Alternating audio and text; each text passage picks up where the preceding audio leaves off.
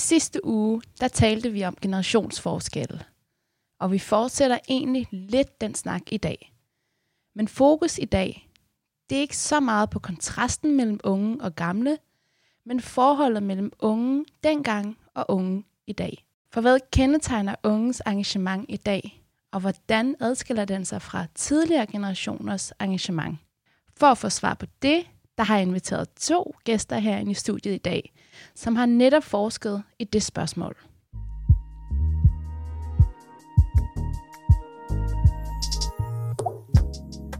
Unge har alt for lidt indflydelse i dagens samfund. I hvert fald, hvis du spørger mig. Mit navn er Manila Kafuri, og jeg er på en mission sammen med Ungdomsbyrået om at sikre unge mere magt. Jeg ønsker forandring, og det kræver magt.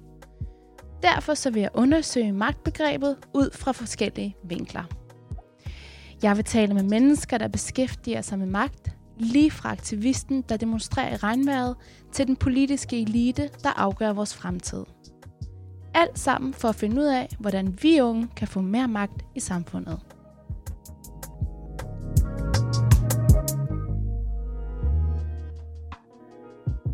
Okay, Manila. Jeg har glædet mig til det her program. Det har jeg også, men jeg er også meget nervøs i dag. Nå, hvorfor er du nervøs? Det er, for det, det er, det er sådan lidt øhm, som at starte på studiet igen, fordi man skal læse en masse... Øh, nogle, nogle kloge mennesker, der har sagt noget om noget, der er vigtigt, og det skal jeg lige have styr på, hvad de har sagt. Ja, jeg gav dig jo lektier for. Jeg gav ja. dig en, en lille artikel, du skulle læse inden øh, programmet i dag. Er en ret lang artikel, vil ja, jeg sige, ja. men det var enormt spændende. Ja, og jeg er lidt nysgerrig på, nu er jeg selv født og opvokset i Danmark, og min far, han er godt nok fra 1957, så han var sådan lige øh, 10-11 år, lige det sådan, da ungdomsoprøret var. Men det er stadig noget, som jeg har hørt ret meget om, og jeg tror, min far egentlig på nogle punkter har sådan levet lidt på sådan efterdønningerne af ungdomsoprøret. Han var også en rigtig socialist og, øh, mm. og gik lidt op i noget af det. Og øh, du fortalte jo mig i det første program, vi lavede, at du er opvokset i Afghanistan. Og jeg er lidt nysgerrig på, hvordan, hvad forbinder du med ungdomsoprøret i 1968? Har du, øh, er det noget, du er vokset op med med dine forældre? Er det en historie, der bliver fortalt? Nej, desværre. Øh, jeg tror, jeg har stødt på det i, øh, ja, i folkeskolen, var det jo. Men, men der er jo ingen tvivl om, at det er noget, der har fyldt, at det er noget, der har været meget markant og vigtigt øh, uden at ligesom have nogle relationer til det. Eller, altså, vi boede engang i Danmark der, eller ikke engang mine forældre boede der. Men jeg tror, det er jo ligesom den der fælles betegnelse for noget bedre, eller for forandring, og noget progressivt, og øhm, der skal ligesom ske noget andet. Ikke? Mm. Så jeg bliver glad af at høre det på en eller anden måde. Ja, men for dig er det så også noget, der hører til historiebøgerne i folkeskolen, eller... Ja, men, men jeg tror også, at for mig er det også sådan en, ah, måske er det også det, jeg er i gang med lige nu, uden at det er den store bevægelse hele landet rundt på den måde, men, men altså, jeg føler det jo hver dag i forhold til det oprør eller opgør, der er øh, mod noget, noget større, eller noget, der skal blive bedre, eller noget, der skal forandres. Så øh, jeg ved ikke, om det er for meget at sige, at jeg har det lidt i blodet, fordi jeg arbejder med det hver dag. Ja, så det er måske noget, man er lidt inspireret af, måske helt uden at tænke over det hele tiden, så ligger det lidt under, øh, sådan under huden på en eller anden måde. Ja, fordi det, man hører jo meget om det, og det har jeg også gjort, og det er også det, der gør, det spændende i dag, og helt sådan konkret, når man, hvad er det, altså, hvad er der for nogle forbindelser mellem dengang og nu? Det synes jeg kunne være enormt interessant. Også det der med at øhm, få lidt inspiration. Altså måske skal vi gøre det lidt anderledes. Mm. Øh, måske skal vi blive ved med det, vi gør nu. Ja, og jeg tænker, du er jo ja, forperson i Repolitics, men også aktiv i andre forskellige øh, foreninger og aktivistarrangementer. Øhm, og kan du ligesom se en eller anden lighed imellem de mennesker, der engagerer sig i de her forskellige foreninger? Føler du, at der er noget, de har til fælles, når du sådan lige kigger hen over de mennesker, der møder op til det? Jeg føler, at der er helt sikkert en ja, en kampgejst, hvis man, hvis man kan sige det sådan. Jeg føler, at øh, det er nogle sager, man brænder med, som man virkelig vil helt ind fra hjertet.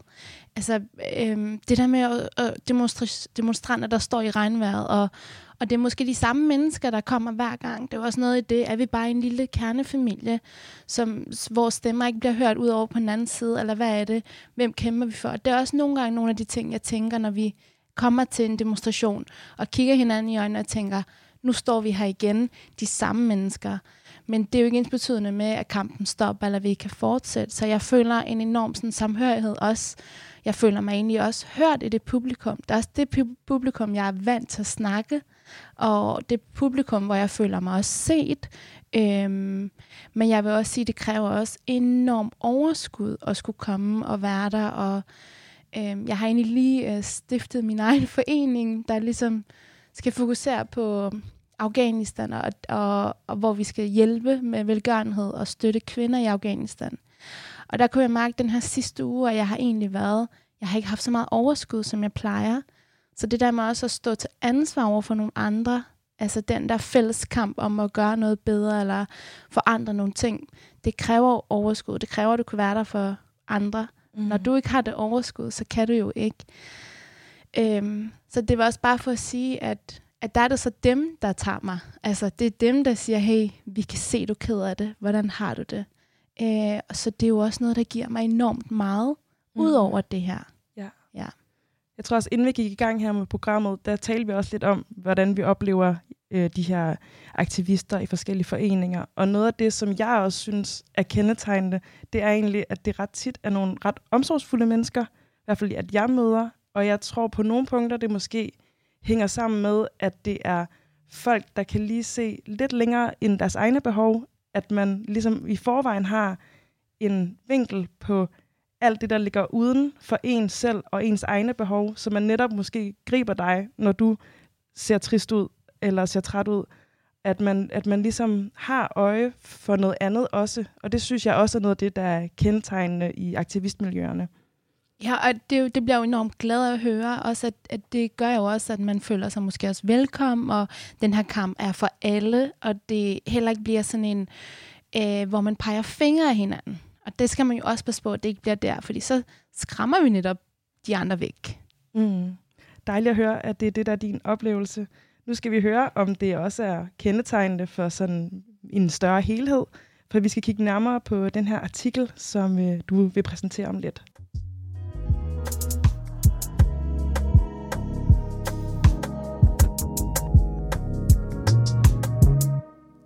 Okay, så i dag, der bliver det måske lidt mere nørdet, end det har været indtil videre. For jeg har inviteret to forskere ind i studiet, øh, og de sidder med deres blokke og skriver løs, og er klar og friske. Og ja, så i forbindelse med det her, øh, med et forskningsprojekt, så har de foretaget en række interviews med unge mennesker. Og derfor kan de i dag fortælle os noget om, hvad der kendetegner unges aktivisme, både før og nu. Så min gæster i dag, det er Laura Perez Tomar. Velkommen til. Og så har vi Jonas Lieberkind. Lieberkind. Det hedder du ikke, du hedder Lieberkind. Så velkommen til til jer to. Tusind tak. Tak for det. Så I er begge Ph.D. og forskere fra Danmarks Institut for Pædagogik og Uddannelse på Aarhus Universitet. Laura, du har blandt andet forsket i, forsket i netop øhm, 60'erne og 70'ernes ungdomsoprør. Øh, og ja. du, Jonas, du har i din forskning øh, haft rigtig meget fokus på de her aktuelle tendenser blandt unge, øh, og deres syn på samfundet og deres politiske engagement. Mm, ja. Så jeg har inviteret herinde i dag, fordi I har jo udgivet artikel, hvor I fremlægger jeres undersøgelse af unges aktivisme virkelig spændende. Og det er jo unge aktivisme fra 1968 til i dag. Og det glæder mig enormt meget til at høre mere om, og blive egentlig øh, mere klog på, hvad det er. Men først, der skal jeg altså lige, ligesom alle de andre gæster, der har været i, øh, i studiet, øh, svare på vores magtstatus. Laura, hvad er magt for dig? Jeg fik jo spørgsmålet i forvejen, så jeg har nået at tænke lidt over det, og, øh, og så har jeg i, altså, tænkt over det, og så har jeg tænkt, jeg har nok sådan ligesom to magtopfattelser, som, øh, som begge to er på spil. Og den ene, det er sådan en, en, en, en, øh, klassisk magtopfattelse, hvor ligesom A øh, påtvinger B noget. Altså sådan en eller anden form for overmagt, hvor, hvor man ligesom bliver påtvinget noget, man ikke, man ikke vil. Altså sådan overmagt og den anden magtopfattelse, det er sådan, det er sådan lidt mere, øh, nu er jeg så også, øh, hvad hedder det, øh, kulturvidenskabeligt uddannet, så det er sådan lidt mere noget med øh, den magt, der virker, hvordan vi forstår os selv, hvordan vi agerer, forstår os selv hinanden. Øh, og, og, og det er sådan lidt en bredere, mere dynamisk øh, magtopfattelse, og i min hverdag, så øh, der er de to magtopfattelser ligesom, de, de virker begge to, og man kan sige, den ene er, er, er måske den, jeg oplever lidt, hvis det er noget negativt, den der med når, altså en overmagt, mm. hvor den anden, den er måske lidt mere sådan øh, usynlig øh, på den måde, at det, sådan, det tænker man ikke over. Det er jo alt det, man tager for givet, og alle de øh, normer og værdier, som du bare automatisk tilpasser sig at gøre. Øh, den magt, den, nogle gange, så, så kan man jo også tænke over, hvorfor egentlig det? Hvorfor er, hvorfor, hvorfor er det lige, man sidder til en børnefødselsdag eller en fødselsdag med store familien, og der mangler noget, og alle kigger på, øh, på moren hvert, hvert inden, ah, og så ah, tænker man ja. sådan, jamen, øh, hvorfor egentlig det? Altså, der er en anden, der sidder tættere på køkkenet, ja. men, men, men det er også en magt, der virker. Vi ved alle sammen, øh, hvem det er, der skal gå ud og hente det, der mangler, og gøre de der ting. Øh, så det kan man jo også nogle gange øh, slå sig på og, og, opdage. Ikke? Ja. Og så er der det her med øh, altså magt som nulsumspil, som også spiller lidt ind i de her to. Om, om er, er magt øh, noget, som øh, der er en vis portion af, og så øh, kan den bruges op. Det vil sige, enten har du magten, eller også har jeg magten tilbage til det her med A og B. Eller, eller, eller er der uendelig meget magt? Altså kan alle have magt på samme tid? Øh, det er også øh, nogle spørgsmål, som jeg sådan har tænkt over i løbet af, af årene. Meget spændende. Tak for det svar, Laura. Øh, det svar det har vi i hvert fald ikke fået før, okay. så det er vildt fedt. Jonas, kan du også komme med et svar, vi ikke har hørt før? øh, det ved jeg ikke, øh, men øh, jeg tror, at det er et rigtig vanskeligt spørgsmål, ja. først og fremmest. Så det kræver virkelig, at man tænker sig øh, godt om. Øh, Hvorfor? Måske fordi man, altså det er komplekst, fordi jeg tror, magt er både godt og skidt. Men hvis jeg lige skal sætte nogle enkelte ord på det, så tror jeg, at magt har noget med vilje at gøre. Ikke sådan nødvendigvis lige min vilje, men bare en eller anden vilje, som fungerer derude eller herinde. Det kan godt være min vilje, det kan være jeres vilje, det kan være samfundets vilje, eller som Laura også snakker om, der, der er bare nogle gange nogle viljer til stede i rum, og øh, hvis man kender dem, så tænker man ikke over dem. Så virker de bare på en og på andre. Men hvis man lige pludselig er i et andet rum, hvor man slet ikke kender de viljer, der er på spil, så at sige, så bliver man virkelig forbavset. Gud, er det mig, eller skal jeg sige sådan, eller skal man opføre sig på den her måde? Så øh, mm. jeg tror, at magt har noget med vilje at gøre. Ja, og så kigger jeg på dig, Laura. Øh, hvornår føler du dig så magtfuld?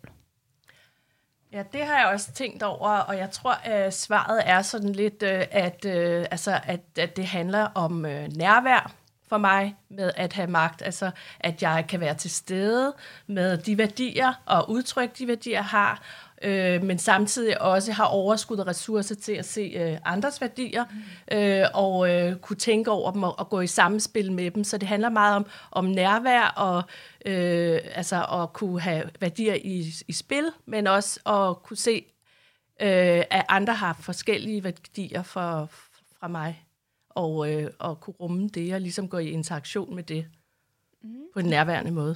Ja, Jonas, hvad med dig? Jeg tror, jeg du føler tror, mig ja. magtfuld øh, i det øjeblik, jeg ligesom er i synk med de viljer, der er i rummet, eller i samfundet, eller med dem, jeg lige er sammen med. Når jeg på en eller anden måde føler, at, øh, at jeg kommer igennem, eller jeg kan få lov til at bestemme noget, så er det ikke bare fordi, jeg vil bestemme et eller andet helt tilfældigt, men så er det fordi, at jeg ligesom føler, at jeg er med på de viljer, der er i rummet. Så sådan mere fællesskab? Eller? Ja, måske. Øh, jeg synes, det er lidt øh, svært at få øje på de der viljer, men øh, jeg føler mig magtfuld i det øjeblik, jeg på en eller anden måde er, er i synk med de andre, der er i rummet. Interessant. Så. Ja. Mm. Jeg, øh, jeg, jeg kan se det alligevel ikke. Altså, jeg tror, hvis man skal snakke om aktivisme, for eksempel, ja så kunne man sige, at, og det er jo også noget af det, vi lidt ser i vores undersøgelser af unge, der er aktive, det er jo, at de unge, når de møder et fællesskab, ja. hvor andre har nogenlunde den samme vilje, eller den samme form for følelse af den verden, de er i, så tror jeg, de føler sig meget, meget magtfulde. Selvom de står i et samfund, som måske siger det helt modsatte, Ja. og som også er et udtryk for en kæmpe stor vilje, men i det øjeblik, at de er i fællesskab med andre, og oplever deres vilje, og deres vilje er i synk med de andre, jamen øh, så føler øh, de sig magtfulde. Og det er også der, du føler dig magtfuld. Det er nemlig også der, jeg føler mig Ja. magtfuld. Ja. Og hvornår føler du, du er? Du er da ikke magtfuld. Jamen det tror jeg lige præcis er i det øjeblik, hvor min vilje, min følelse, min oplevelse af, hvad der sker, ikke er i synk med de andre. For eksempel, hvis jeg sidder sammen med nogle gode venner, og vi snakker om et eller andet, Ja. og så siger jeg noget, som jeg tænker, det her, det nuancerer lidt, eller det spiller lidt med på, hvad de andre siger, samtidig med, at jeg måske lige giver noget input til det. Men så oplever jeg, at de kan slet ikke forstå, hvad jeg siger. Eller jeg oplever, at ej, det er i hvert fald ikke rigtigt. Eller endnu værre, at de ikke engang er uenige med mig, men at de misforstår mig. Så føler jeg virkelig, at jeg ikke er magtfuld. Så føler jeg virkelig, at jeg taber magten. Det der med at bare stå helt alene i verden og prøve at gøre et eller andet gældende, og så er der bare ingen, der forstår det. Så føler jeg mig virkelig som en taber. Hvad med dig, Laura? Jeg tror, jeg føler mig, øh, jeg føler, oplever, fordi jeg tror mere, det er en oplevelse egentlig end en følelse, men jeg oplever, øh, men det kan også være, at man føler, man, at man føler afmagt, men, men øh, hvis det er, at øh, jeg får påtvunget noget, jeg ikke vil, altså sådan tilbage til den der med, øh, med A påtvinger B noget, så øh, jeg tror, jeg føler, at jeg ikke har magt, hvis der er nogen, der beslutter noget øh, omkring mit liv, øh, og min hverdag, som jeg ikke har indflydelse på, og jeg ikke får en stemme i. Og det kunne være, det kunne være i arbejdslivet for eksempel, mm. at man får øh, ikke har indflydelse og får, får pålagt noget, og det betyder noget for en øh, i ens hverdag. Det, det er måske, øh, hvad, hvilke opgaver man skal lave, eller, eller øh, hvor, øh, hvilke kollegaer man skal have. Altså vigtige ting i hverdagen.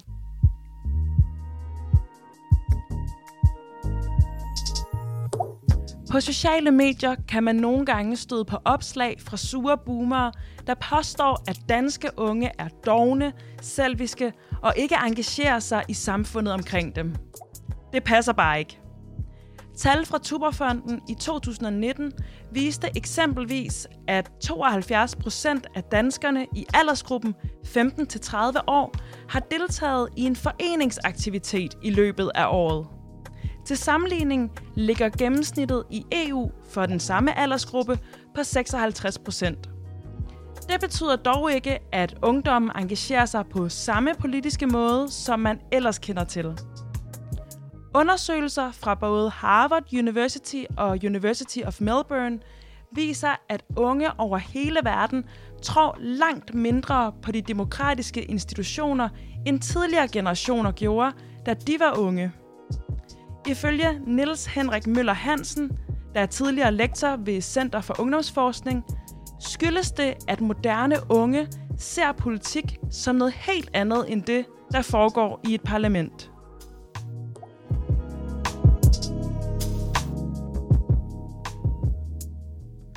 Du lytter til Ungdomsmagt, og mit navn er Manila Gafuri. Og i dag har jeg besøg af Jonas og Laura, begge to forskere, som har lavet en undersøgelse af unges aktivisme fra 1968 til i dag.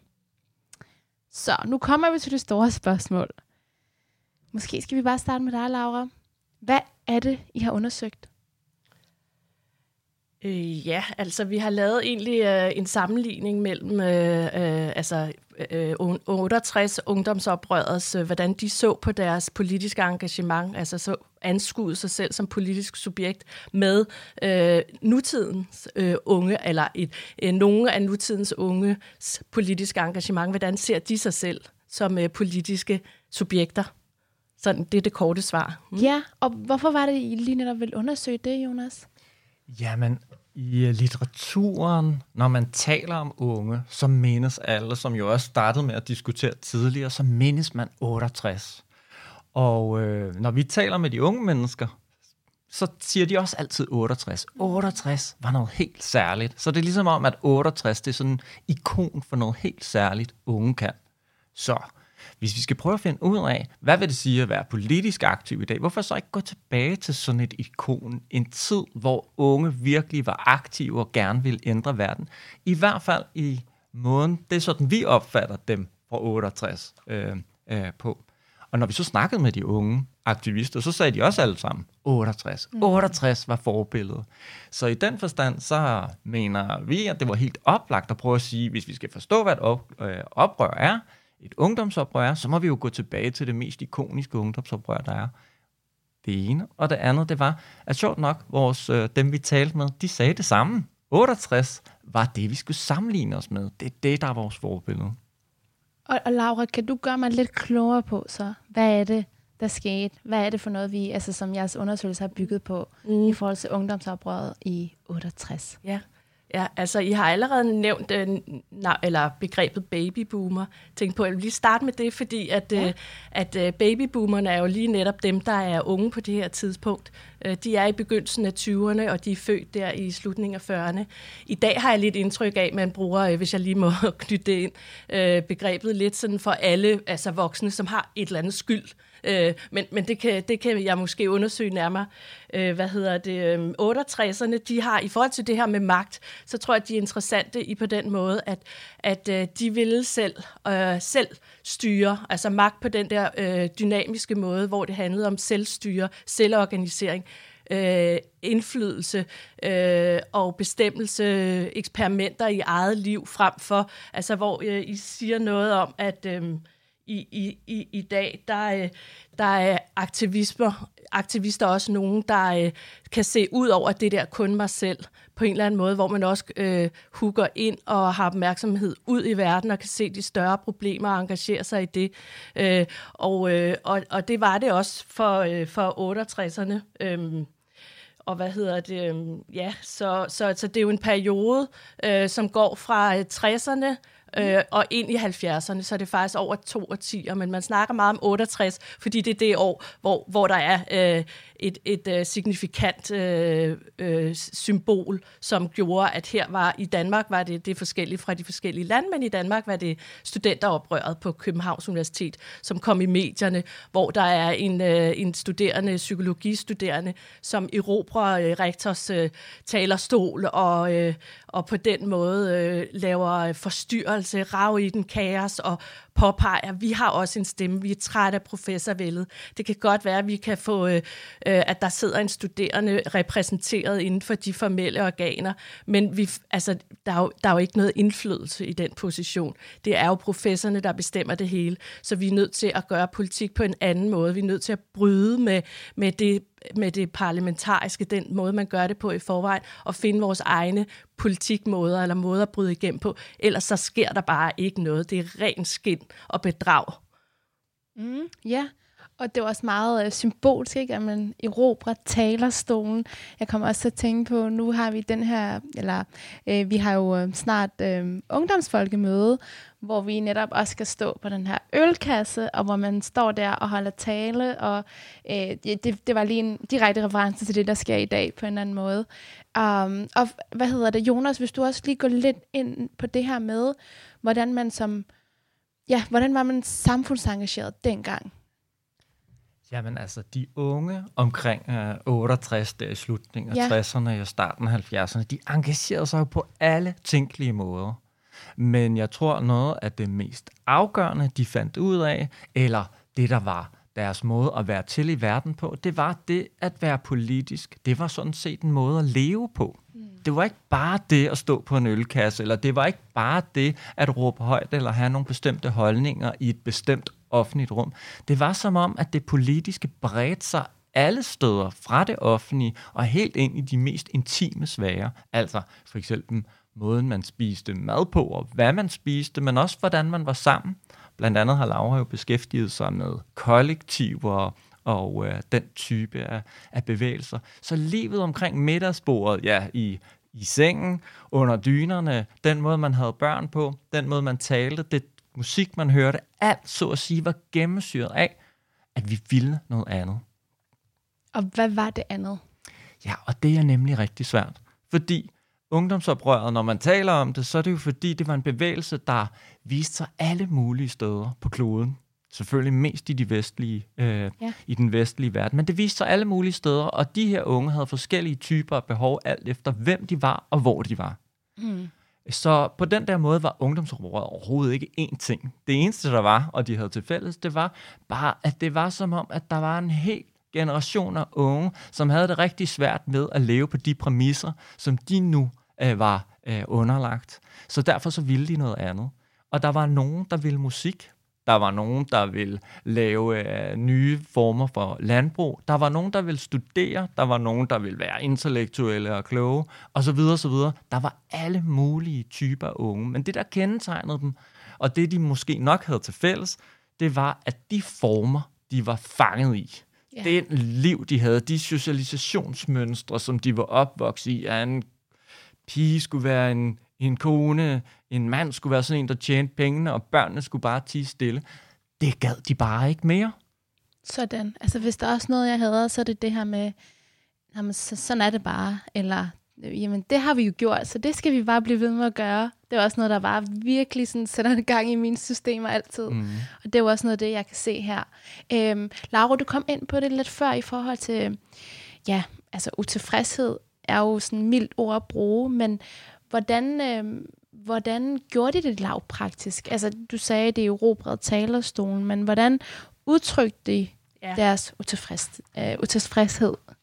Svært ord. Ja, ja, men øh, ja, igen så øh, det der, som Jonas også har været inde på, det her med, det, det er lidt en anden tid, og, øh, og det er faktisk en tid, hvor øh, øh, altså, der var masser af ungdomskultur og, og sådan nogle ting, men øh, det, de taler sig op imod, det er sådan en, en, øh, øh et, et samfund, hvor der er nogle meget Øh, fasttømrede øh, forestillinger om, hvad, hvad, hvad, hvad er det gode liv, og hvad skal man. Så skal man øh, øh, have skifte sig barn og, og uddannelse, og øh, det hele er lagt i faste rammer, øh, som sådan, øh, og det er det, det, det, de gerne vil gøre oprør imod, også fordi det er, sådan, det er stivnet, og det er kunstigt. Det er på en eller anden måde slet ikke øh, i, øh, altså menneskeligt mere. Det er blevet menneskefjends på en eller anden måde, fordi at, øh, at du, du skal tilpasse dig, du skal være borger, og du skal være far, du skal have alle mulige roller, men hvad med, hvad med, hvad med det menneskelige, ligesom? Mm. Øh, hvad, hvad, sådan. Og det var meget det, de gerne ville, øh, ville udfolde og finde frem til i fællesskaber, og derfor så blev udtryksmåderne jo også meget øh, inden for det kunstneriske og æstetiske, og øh, sådan noget som provobevægelsen, som startede i Holland, øh, det var jo sådan noget med øh, gadeteater, lave happenings. Det handlede om at, at øh, få, få, få folk til at se tingene på andre måder, måder ja. at forstå, at, at der findes andre livsformer, og mennesket kan meget mere end, end bare at øh, leve et småborgerligt liv, som de kaldte det sådan. Øh, det her inde i de her firkantede former, det var fantasien til magten, altså øh, kaos til magten. Øh, mennesker er er, er mærkelige og kaotiske og følsomme og kan en hel masse sammen, øh, hvis de bare giver plads til det. Så, og det betyder meget for, hvad det så er for nogle politikformer eller måder, de så udtrykker sig på. Jeg, jeg har nævnt det æstetiske gadeteater, prove hippie-bevægelsen, ja. som også handler om, øh, hvordan man klæder sig og, og, og, og, øh, og lever sit, sine relationer øh, ikke i tosomhed og familie, kernefamilie, som er sådan eksklus- eksklusivt og øh, ekskluderer nogle andre, og kun os fire. Men nej, øh, altså vi kan jo alle sammen mødes, alle mulige. Du kan møde en ude på gaden, du går en tur, og så kan det være din vigtigste person i dit liv, du ved det ikke. Øh, så på den måde et opgør med de småborgerlige. Så, men så var der også noget som slumstormeri, altså det fik virkelig mange forskellige former, men det er jo, at der var en masse tomme huse og en stor øh, mangel på boliger, hvilket ja. du stadigvæk kan genkende stadigvæk, for unge. Ja. Men på det her tidspunkt, der var, øh, der var, øh, der var ikke saniteret i byen, og i byen, i, nu, hvis vi siger København, så, øh, så der stod tomme boliger, så, så det var noget med at være slumstormer. Nogle unge mennesker ind og indtage det her rum og gøre noget kreativt sådan. med det. Ja. Øh, og så kunne det være det sidste, jeg lige vil nævne, øh, ekstra parlamentarisme, de store dem- demonstrationer, som, øh, som gør opmærksom på øh, store politiske spørgsmål, som Vietnamkrigen og øh, øh, ja, demonstration mod øh, Vietnamkrigen, for eksempel øh, mm, Verdensbanken ja. øh, i 1970. Tak. Og øh, jeg skulle til at sige, at det var nogle rigtig gode inspirationskilder til aktivisme også i dag, hvis det er. Um, nu spørger jeg lige åben, er begge to, så må, I, uh, så må I lige selv, hvem der vil svare på det, men hvordan har I så lavet den her undersøgelse? Hvem er det for nogle mennesker, I har snakket med? Og det her med, hvordan har I udvalgt dem? Hvordan har I interviewet dem? Um, så lad os, um, ja, hvem, har I, hvem, hvem er det, I har talt med? Men vi har talt med sådan en god blanding af unge mennesker. Og det eneste, der var vores kriterie, det var, at de var unge. Og hvornår er man det? Ja, og det er jo det store spørgsmål. Ja. Og sådan er det også nogle gange, når man laver forskning. Så når man er ude og tale med folk, så har de måske ikke lige helt den alder, man troede, de havde. Så der er sådan nogle ting der. Men vi var også lidt optaget af at prøve at få lidt indsigt i, hvis man nu havde været aktiv, og måske var lidt blevet lidt ældre, og hvordan man så tænkte tilbage på det. Øh, så vi havde en aldersgruppe, der spændte sådan fra 14 til 35 år, øh, endte vi med. Mm, ja, og hvordan har I interviewet dem så? Øh, ja, altså med dem, der er de unge i dag, der har vi øh, interviewet dem øh, ved at øh, tage kontakt og øh, så mødes et sted. Altså, øh, det var jo, øh, vi har jo været sådan lidt under det her coronarestriktioner, men det var lige åbnet op. Så øh, ja, vi har mødtes forskellige steder, hvor det lige passede, og på den måde øh, talt sammen og optaget det på bånd og fået skrevet det ned og sådan. Så, øh, men hvad angår altså 68, der har det jo, det bygger også meget på min phd afhandling øh, hvor det var meget, var, ja, det var kildearbejde, Altså fordi, at de var også meget skrivende og, og publicerende. Øh, de toneangivende i 68. Der var jo også mange, som ikke var det, som var med på det. Så, men, men der har jeg også lavet et øh, vidneseminar, kalder man det. Men altså et kæmpe fælles fokusgruppe øh, interview i, i det, der øh, var i det hus, hvor de boede i kollektiv dengang. Hvor man så ligesom har lavet et erindringsseminar for dem til at tale om dengang, da de boede i kollektiv. øh, men, men altså kombineret også med, med kilder fra, øh, fra gamle dage, noget de har skrevet, altså dagbøger, og, og folk har været virkelig øh, venlige til at, at, give, at dele ud af deres private arkiver til mig. Mm. Æ, er det ikke også meget... Øh, altså jeg vil sige, man skal jo også virkelig ramme rigtigt for at kunne sammenligne, som I har gjort i forhold til ungdomsoprøret i 68 og i dag. Så føler du, I har valgt det rigtige, Jonas? Øh, det er jo rigtig vanskeligt, når man arbejder med sådan noget kvalitativ øh, empiri, altså når man er ude og snakke med folk. Øh, og så er materialet jo lidt som materialet er, og så kommer der så nogle metodiske overvejelser, ja. teoretiske refleksioner. Hvad kunne det være? Hvor, jamen, så handler det lidt om at prøve at lægge sig fast på, for det første at identificere materialet, og så lægge sig fast på, hvad kunne være det interessante i det her materiale. Det er klart, når vi har lavet et så lille studie, nu er vi i gang med at lave et, der er væsentligt større, ja øh, så er det jo begrænset, hvad vi kan få at vide. Men der er noget, vi kan få at vide, og det er jo så det, vi må så at sige nøjes med så vi kan ikke afdække det hele, og vi kan heller ikke lave en direkte sammenligning for 68, som Laura er inde på her. Kildematerialet for 68 er jo lidt anderledes, alene fordi de mennesker ja. har en helt anden alder, så vores tilgang til dem er anderledes. Så vi har valgt at bygge den lidt op på den måde, at vi prøver at sige noget mere generelt om 68, og omvendt noget mere specifikt om unge i dag. Så det har været sådan en sammenligningsgrundlag. Hvad var det for nogle generelle ting, der skete i 68, og så sammenlignet med, hvad er det for nogle konkrete mennesker i dag, som også føler og nærer et eller andet politisk engagement. Ja, og det er netop lige det, vi skal til at dykke ned i.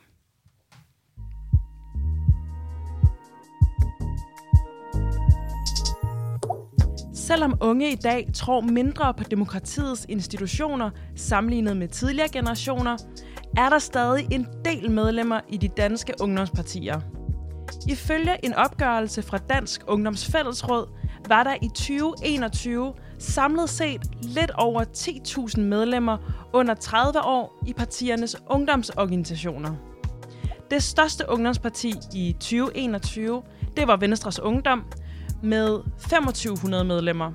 Efterfulgt af Danmarks Socialdemokratiske Ungdom med 2.000 medlemmer og konservativ ungdom indtog tredjepladsen med lige under 1850 medlemmer.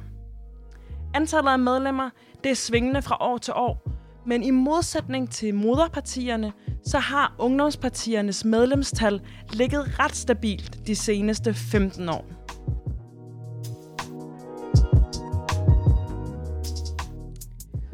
Du lytter til Ungdomsmagt, og mit navn er Manila Gafuri. Og med mig i studiet i dag, der har jeg Jonas Lieberkin, yes, og Laura Perez Tomar. Vi har jo lige lyttet til Gunvar, der snakker øh, og, og fortæller om nogle ret vigtige øh, um, tendenser, der sker. Øhm, og jeg kan ikke lade være med at lige sådan øh, se, at I begge to skriver på jeres blogge. Jonas, vil du dele noget af det, du havde? Ja, men det er jo bare fordi, at øh, det, som lige blev sagt her, det var, at øh, de danske unge tror mindre på de demokratiske institutioner. Ja. Og det er måske rigtigt, hvis man kigger på medlemstal i organisationer. Ja. Men udover at vi har lavet et øh, projekt her, som handler om unge, der er aktive, så mm. har vi mhm. også lavet nogle andre og ret store kvantitative projekter omkring unge, og netop deres tiltro til demokratiske øh, institutioner. Ja. Og vi ser altså helt det modsatte. Man kunne næsten gå så langt, hvis man sammenligner med 68, at de danske unge er en smule kedelige og ikke særlig progressiv, for de tror uhyggeligt meget på de demokratiske institutioner. Og ja, de er ikke medlemmer af foreninger, partiforeninger og mere. Og mit, øh, min kommentar til, at det er bare, er det der, det politiske udspiller sig? Er det der, man skal vise sin politiske springkraft, eller er det nogle andre steder? Pointen er i hvert fald bare, at medlemstallene falder, men de unge har aldrig troet mere på de demokratiske institutioner, end det de gør lige i øjeblikket. Tangerende til det kedelige. For i 68, der troede de ikke helt på institutionerne, og mente, de skulle laves om. Der vil jeg også sige, at der, jeg tror heller ikke på institutionerne, og jeg, øh, jeg er nok en af de få måske, hvis, hvis vi går hen på det Gunvar siger, men spændende i forhold til, hvem det så er, man har spurgt. Det kan være mm. også det der, at øh, om, om undersøgelsen har været bred nok, eller hvordan. Men det er jo også en helt anden snak. Lad os fokusere på, på de unge i dag. Nu har vi snakket om øh, 68, så lad os, øh, ja, lad os se lidt fremad i forhold til jeres undersøgelse. Så hvad kendetegner unge øh, samfundsengageret i dag? Hvordan, hvordan kan man, hvad kendetegner dem? Altså hvis vi lige prøver at starte og så bringe sådan det der store billede af hele ungdomsgenerationen, eller i hvert fald en, øh, en årgang eller øh, et par årgang ind her. Men så det, der kendetegner dem, er faktisk, at de har enormt stor tiltro, altså unge generelt, til de demokratiske institutioner. De tvivler overhovedet ikke på dem. Øh, derfor er de unge måske en lille smule reserveret, som jeg plejer at sige, lidt tilbageholdende med egentlig at ytre stærke politiske holdninger. Det er sådan de generelle unge. Men blandt dem er der så en lille øh, gruppe af unge, som er rigtig engageret, øh, og som øh, gerne vil deltage, øh, og som har holdninger til øh, ting og sager. Og det er dem, vi så har undersøgt øh, i den artikel, som I refererer til her. Ja, ja og, og hvordan udfører de deres aktivisme? Det studie, øh, vi taler om i den her artikel, er jo et, øh, at, er sådan et lille udsnit af unge aktivister, som vi har talt med. Ikke? Men dem, vi har talt med der, de havde jo forskellige engagementer. Nogle var øh, engageret i klimakrisen, mm. andre i global ulighed, andre i øh, køn og, og ligestilling, og, og nogle i øh, sådan noget mere med migration. Ja. Øh, og øh, Ja, så, så på den måde forskellige temaer, som øh, optager dem, og som øh, gør, at de så går i forening sammen. Det er jo dem, vi havde talt med. Er der noget fælles tråd mellem de unge 68 og, og i dag, eller noget, noget fælles øh, betegnelse? Kan man, kan man sige, at de alle sammen er sådan? Det kan vi se ud fra vores undersøgelse. Der er helt klart nogle træk, øh, som går igen. Øh, og øh, det er jo blandt andet de helt konkrete politiske kampe, der udspiller sig, altså sådan noget som kønspolitik øh, eller klima, øh, hele diversitetsproblematikken og alle de her ting. Altså den store kamp om, hvad det er for nogle værdier, der er rimelige i samfundet, det er helt klart noget, som øh, kommer også fra 68, og som de øh, giver af deres version på i dag, øh, de unge. Ja, jeg kunne supplere med, at, øh, at, øh, at jeg fik også en af dem, jeg talte med fra, øh, som er engageret i klimapolitik, som så fortalte, at de havde jo ønsket at organisere tingene helt selv, hvilket man også gjorde i 68. Og så havde de ligesom gjort det og fundet frem til, at så havde de bare set senere efter, at de selv havde lavet en flad struktur og organiseret det, at den mindede ret meget om den måde rødstrømperne så havde organiseret deres basisbevægelser. Og det var jo sådan lidt, lidt lidt pudsigt. Og I nævner også, at ja, unge i dag, det er jo sådan meget bevidste om deres privilegier. Um, og hvordan kommer det egentlig til udtryk? Altså hvordan, også der i forhold til det, at man er bevidst om sine privilegier i dag og dengang. Er der... Ja, altså jeg tror, det der det interessante, kan man sige, i forhold til 68, det er, for det første, så er det, der er mange af de samme politiske budskaber, men der er bare sket noget med budskaberne undervejs. Og det er der af flere grunde. Dels ja. fordi den politiske spilleplade, man er på, har ændret sig radikalt fra 68 til i dag. Vi er simpelthen i en anden tid. Ja, men hvordan, hvilken tid? Jamen, øh, jeg tror, at øh, for dem, der handlede det meget om den, altså i 68, der handlede ja. det jo meget om, at de var, de oplevede, at de var i de her fasttømrede mønstre, mm. og at de skulle noget særligt med det liv, som de nu engang havde, alt efter hvor de var født henne, om det var blandt folk med meget kultur og kapital, høje uddannelser, eller om de var født i arbejderklassen, så skulle man noget øh, bestemt, om man var mand eller om man var kvinde. Øh, og øh, det vil sige, for 68'erne, der handlede det i høj grad om at blive et individ, at individualisere sig ud af nogle meget fasttømrede mønstre. Det, der så har ændret sig radikalt i dag, mm. det er bare, at øh, også i dag vil man individualisering, men de er så at sige født af nogle forældre, som allerede var individualiseret. Så de har ikke individualiseringen som et problem eller et mål. Det er måden, vi vil frisætte os selv på. Vi vil være os selv, og vi skal ikke leve under øh, samfundets øh, øh, struktur. Det, der er med det, det er bare, at de føder nogle forældre, som selv er individualiseret, som selv har gjort op med det her. Måske var nogle af dem 68'er, eller også så lever de i kølvandet på 68. Mm. Så de er sådan set dobbelt individualiseret. For dem er individualisering ikke nødvendigvis en mulighed, men lige så meget et, et vilkår. De er individu, øh, individualiseret, og øh, det er deres præmis, og det ændrer radikalt ved den kritik, man har af et samfund. Fordi hvis samfundet bestod af, at du skal være en mand, som en mand nu engang er, og en kvinde, som en kvinde er, så lige pludselig så er det ikke længere helt givet, at det er sådan, øh, det ser ud længere, når man nu i en eller anden grad godt kan gøre karriere, når man er kvinde, og mænd, der stadigvæk er store problemer, og at man også godt kan passe børn i dag, når man er en, øh, en far. Jeg vil også godt svare på det der med privilegeret. Ja, øh, og det var, det var det her med, at, øh, at, øh, at jeg øh, oplevede, at mange egentlig sagde selv, at øh, de aktivister, jeg talte med, at jamen, jeg er jo også meget privilegeret. Ja. Jeg er jo øh, ciskønnet, og, øh, og jeg lever i et, øh, et velfærdssamfund osv. Og, og det var jo, er jo meget anderledes end øh, 68'erne. De havde ikke, man kan sige, de var nok mere øh, blinde for, eller det var ikke så relevant for dem. De tematiserede ikke så meget det her med, at, at de var privilegeret. Øh, hvis man så, øh, og det er der jo nogen, der gjorde, har gjort, kigger på, jamen, hvem var det så? Hvad var de, øh, altså, der, hvad, hvad, hvad, hvad, hvad var deres uddannelse? Hvor kom de fra? Så var det jo i høj grad øh, middelklassen. Og øh, nogle af de meget toneangivende også højere middelklasse. Øh, men, men for dem var det ikke vigtigt for dem at, at, at sige det, som det er i dag altså det, jeg også oplever i, i mit eget aktivistiske miljø, er jo også, øh, jeg har jo også de medmennesker, som, som også siger til mig, at jeg er jo privilegeret, så øh, for mig, hvis jeg står og siger det her, så er der måske flere, der hører det. Øh, er det også noget, I har sådan... Er det noget, I kan relatere til i forhold til de, til de unge? At, de, at det er også en fordel, at de er privilegeret? Altså, hvordan bruger de det?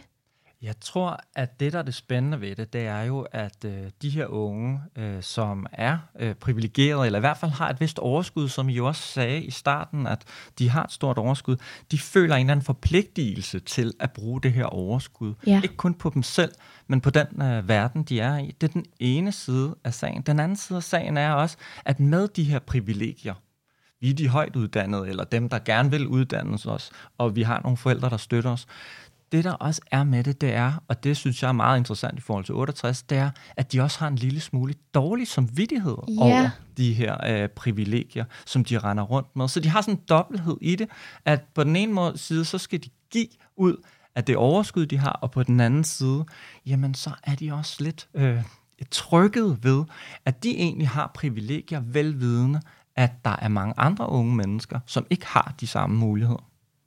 Og nu fik du svaret på mit spørgsmål, Jonas, i forhold til det med dårlig samvittighed, for det var også noget af det, øh, jeg lagde mærke til i undersøgelsen.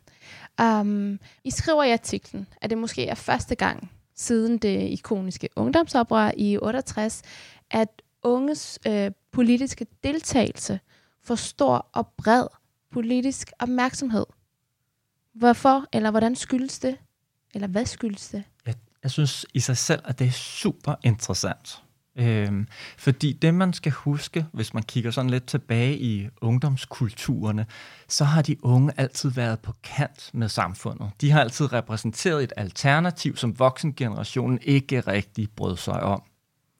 Øh, og øh, i dag har det ligesom vendt sig lidt på hovedet. I dag er de voksne, eller magthaverne, eller de ældre generationer blevet langt mere optaget af de unge. Så det er ligesom om, at alle har ventet lidt på det her. I hvert fald var det sådan, da Greta Thunberg gik på gaderne, og folk mobiliserede sig omkring dem, at, at generationen, medierne, de ældre, de synes, ej, hvor er det fedt, endelig er I der. Ja. Øh, og der er sådan en stor imødekommenhed over øh, øh, for de unge. Og det tror jeg er en del af forklaringen på noget af alt det her. Og øhm, afrundingsvis i, den her, øh, i det her sådan afsnit, øh, Laura, er der noget, der har overrasket i undersøgelsen for dig eller for jer? Ja, jeg var, jeg var overrasket over det der med, at, øh, at, at, at 68-oprøret var en positiv reference, og den var så på den måde øh, præsent, fordi at øh, i øh, 90'erne og i 0'erne og der har det været øh, noget, man gerne ville væk fra. Man, man ville ikke identificere sig på nogen måde med noget med 68. Det var noget af det værste. Øh, øh, så, så det var jeg overrasket over. Jeg synes også, at øh, der er en ting, der er spændende, som vi lige talte om. Det der med, at engagementet kobler sig til den dårlige samvittighed. Jeg synes, det var slående, at der var rigtig mange af de her unge, der havde den der dårlige samvittighed og som var lidt bekymret om, hvorvidt de gjorde nok, og så videre, og så videre. Og den dårlige samvittighed, den er godt nok vanskelig at spore i 68, hvor der var blomster, rockmusik og måske lige for meget alkohol og stoffer og sjov øh, og ballade, så var, der ikke, så var der ikke den der seriøsitet over det. Og netop den der dårlige samvittighed, der tror jeg også, at der vi skal finde sådan en kim til den der ydmyghed, det er faktisk ikke så nemt bare at gå ud og råbe, hvad man tror og tænker på, når man også har en lille smule dårlig samvittighed, eller man ved, man har et overskud, som andre ikke har, så bliver man nok nødt til at lige at begrænse sig selv en lille smule. Ja, det ligger også lidt i den der omvendthed, altså den der med, altså for i dag, der handler det meget om ikke kun at tænke på sig selv, nødvendigvis, øh, men også at kunne se ud over og se på verdensproblemer og engagere sig i det. For 68'erne kan man sige på en måde, det var lidt omvendt på den måde. Det handlede netop om øh, også at søge ind i, øh, i sig selv for at finde øh, det menneskelige, som kunne springe rammerne. Øh, og det menneskelige har alle i sig, men, og vi finder det i fællesskab, men det, det er noget, som, som, som kommer indenfra.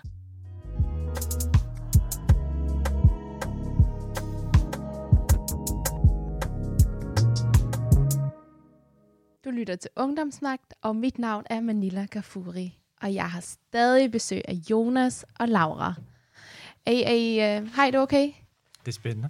Det er meget spændende, og tak for jer, deling af jeres undersøgelse og, og jeres øhm, ja, indlevelse i det egentlig. Nu har jeg jo brugt meget tid på det. Jeg snakker med en masse unge mennesker. I har beskæftiget jer rigtig meget med ungdomsoprøret, så øhm, jeg får lyst til at spørge, hvad er det, vi kan bruge den her undersøgelse til? Det er jo altid, øh, viden er godt måske på den måde, at, øh, at øh, det sætter ting i forhold til noget andet. Og historisk viden er også godt på samme måde, at øh, øh du har selv været inde på det der med, at man kan måske blive inspireret, og, og, men også reflektere sig selv i forhold til noget andet. Og det er jo lidt faktisk det, vi har gjort også. Altså nogle gange, så, så hvis man har noget andet, et andet uden for det, man selv synes er naturligt, så kan man nemmere øh, få øje på, hvad, hvad man selv gør. Og hvis man får øje på, hvad man gør, så kan man også nemmere sådan sige, om, øh, er det så det, vi gerne vil gøre, eller vil vi gerne øh, prøve at gå, øh, gøre lidt noget andet?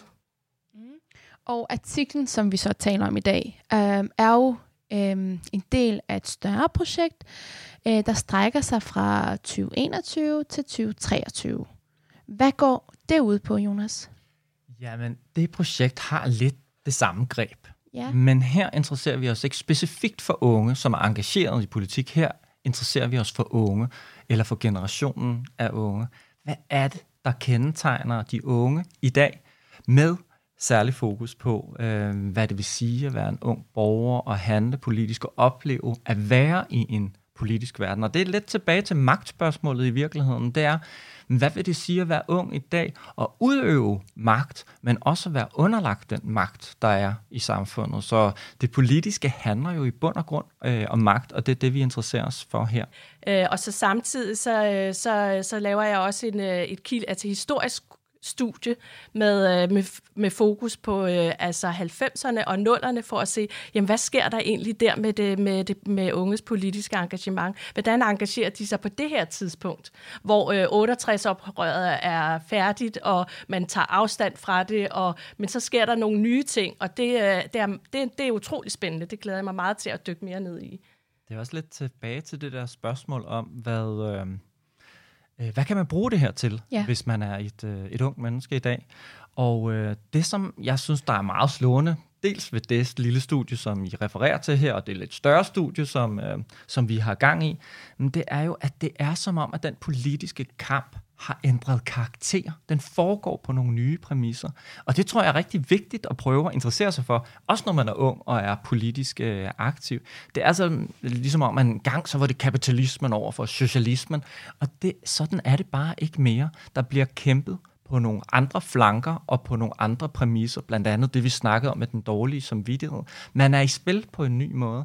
Øh, og øh, der er mange unge, der stadigvæk holder fast i, jeg er venstreorienteret, men når det kommer til stykket, er de det i virkeligheden ikke. Sådan helt i klassisk forstand, og det tror jeg er rigtig vigtigt øh, at, øh, at vide, eller i hvert fald at diskutere i en eller anden grad, hvordan man er politisk. Er det højrefløjen mod venstrefløjen, eller er der nogle helt andre måder at være politisk på? Og det er det, vi gerne vil undersøge. Jeg tænker lige, lige her som afrunding, så hopper jeg lige ind, fordi der er virkelig noget, jeg har tænkt på. Fordi jeg kan virkelig godt genkende mig selv i den her dårlig samvittighed, som I nævner, at, at det er det der med, at man egentlig føler sig lidt utilstrækkelig, at man kan altid gøre det lidt bedre, og når nu går jeg i gang med klimakampen og begynder at beskæftige mig med det, men så kan jeg samtidig se, at der er også de her flygtningeproblemer, og der er økonomiske uligheder, og altså sådan, så jeg tænker på, om det også godt kan betyde, at man bliver sådan lidt øhm, apatisk. Altså, at man, at man ikke handler. Fordi jeg kan nogle gange mm. føle, at jeg ikke ved, hvor jeg skal tage fat henne. Jeg tror også, det er en af forklaringerne på, hvorfor at der er så mange unge, der i virkeligheden er reserveret, som jeg sagde øh, tidligere. Det er fordi, at øh, man vil faktisk rigtig gerne engagere sig, men hvor skal man starte? Der er så meget, og hver gang man tager hul på det ene, men så viser der sig bare tusind andre problemer et andet sted. Og det tror jeg karakteriserer unge og deres øh, politiske engagement rigtig meget at øh, man er sådan set optaget af rigtig meget og rigtig meget forskelligt, og det gør en apatisk. Og så det der med, når følelserne bliver så stærkt involveret i det, jamen så kan man altså også risikere at blive meget aktiv, men man kan også risikere at blive helt apatisk, øh, som du siger, sådan meget tilbageholdende, og få lidt dårlig samvittighed. Ja, og det kan virke helt uoverskueligt, hvor man skal starte, men mm. måske øh, føl dit hjerte eller din stemme, og mm. start mm. der, og tage en dag ad gangen. Det tror jeg fordi... er rigtig vigtigt. Og det er også det, vi oplever blandt unge, fordi dem, der får hul på den der byld, og så vælger, det denne her kamp, jeg gerne vil tage, de oplever virkelig det fællesskab, og den kraft, som er i fællesskabet, det giver virkelig de her mennesker, ikke bare et politisk liv, men jeg vil faktisk også sige et liv.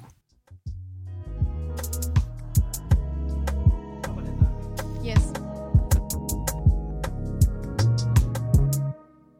Vi når ikke mere nu. Så der var den tid gået. Tusind tak, fordi I kom, Jonas og Laura. Tak for invitationen.